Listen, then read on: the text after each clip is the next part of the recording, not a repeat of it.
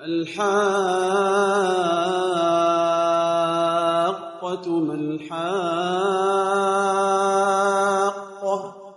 وما أدراك ما الحاقة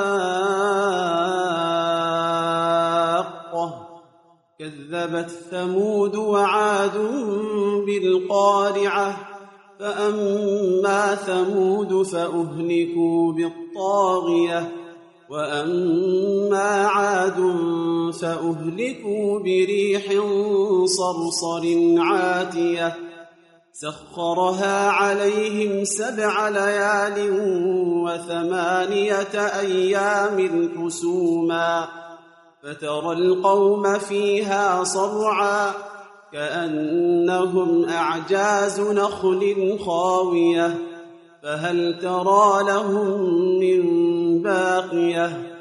وجاء فرعون ومن قبله والمؤتفكات بالخاطئة فعصوا رسول ربهم فأخذهم أخذة رابية. إنا لما طغى الماء حملناكم في الجارية لنجعلها لكم تذكرة وتعيها أذن واعية.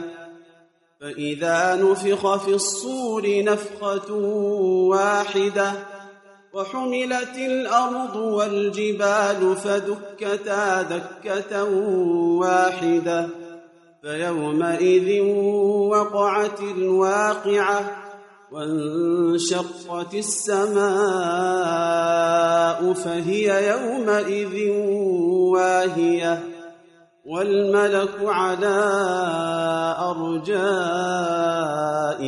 ويحمل عرش ربك فوقهم يومئذ ثمانية يومئذ تعرضون لا تخفى منكم خافية فأما من أوتي كتابه بيمينه فيقول هاؤم اقرءوا كتابيه إني ظننت أني ملاق حسابيه فهو في عيشة راضية في جنة عالية قطوفها دانيه كلوا واشربوا هنيئا بما أسلفتم في الأيام الخالية.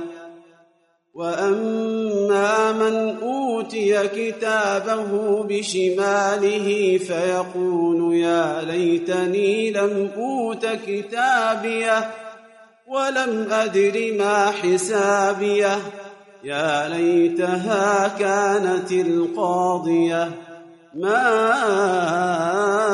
أغنى عني مالية. هلك عني سلطانية. خذوه فغلوه ثم الجحيم صلوه ثم في سلسلة ذرعها سبعون ذراعا فاسلكوه إنه كان لا يؤمن بالله العظيم ولا يحض على طعام المسكين فليس له اليوم هاهنا حميم ولا طعام إلا من غسلين لا يأكله إلا الخاطئون. فلا أقسم بما تبصرون وما لا تبصرون. إنه لقول رسول كريم. وما هو بقول شاعر. قليلا ما تؤمنون ولا بقول كاهن قليلا ما تذكرون تنزيل من رب العالمين ولو تقول علينا بعض الأقاويل لأخذنا منه باليمين ثم لقطعنا منه الوتين فما منكم من أحد عنه حاجزين وإنه لتذكرة للمتقين وإنا لنعلم أن منكم مكذبين وإنه لحسرة على الكافرين وإنه لحق اليقين. فسبح باسم ربك العظيم.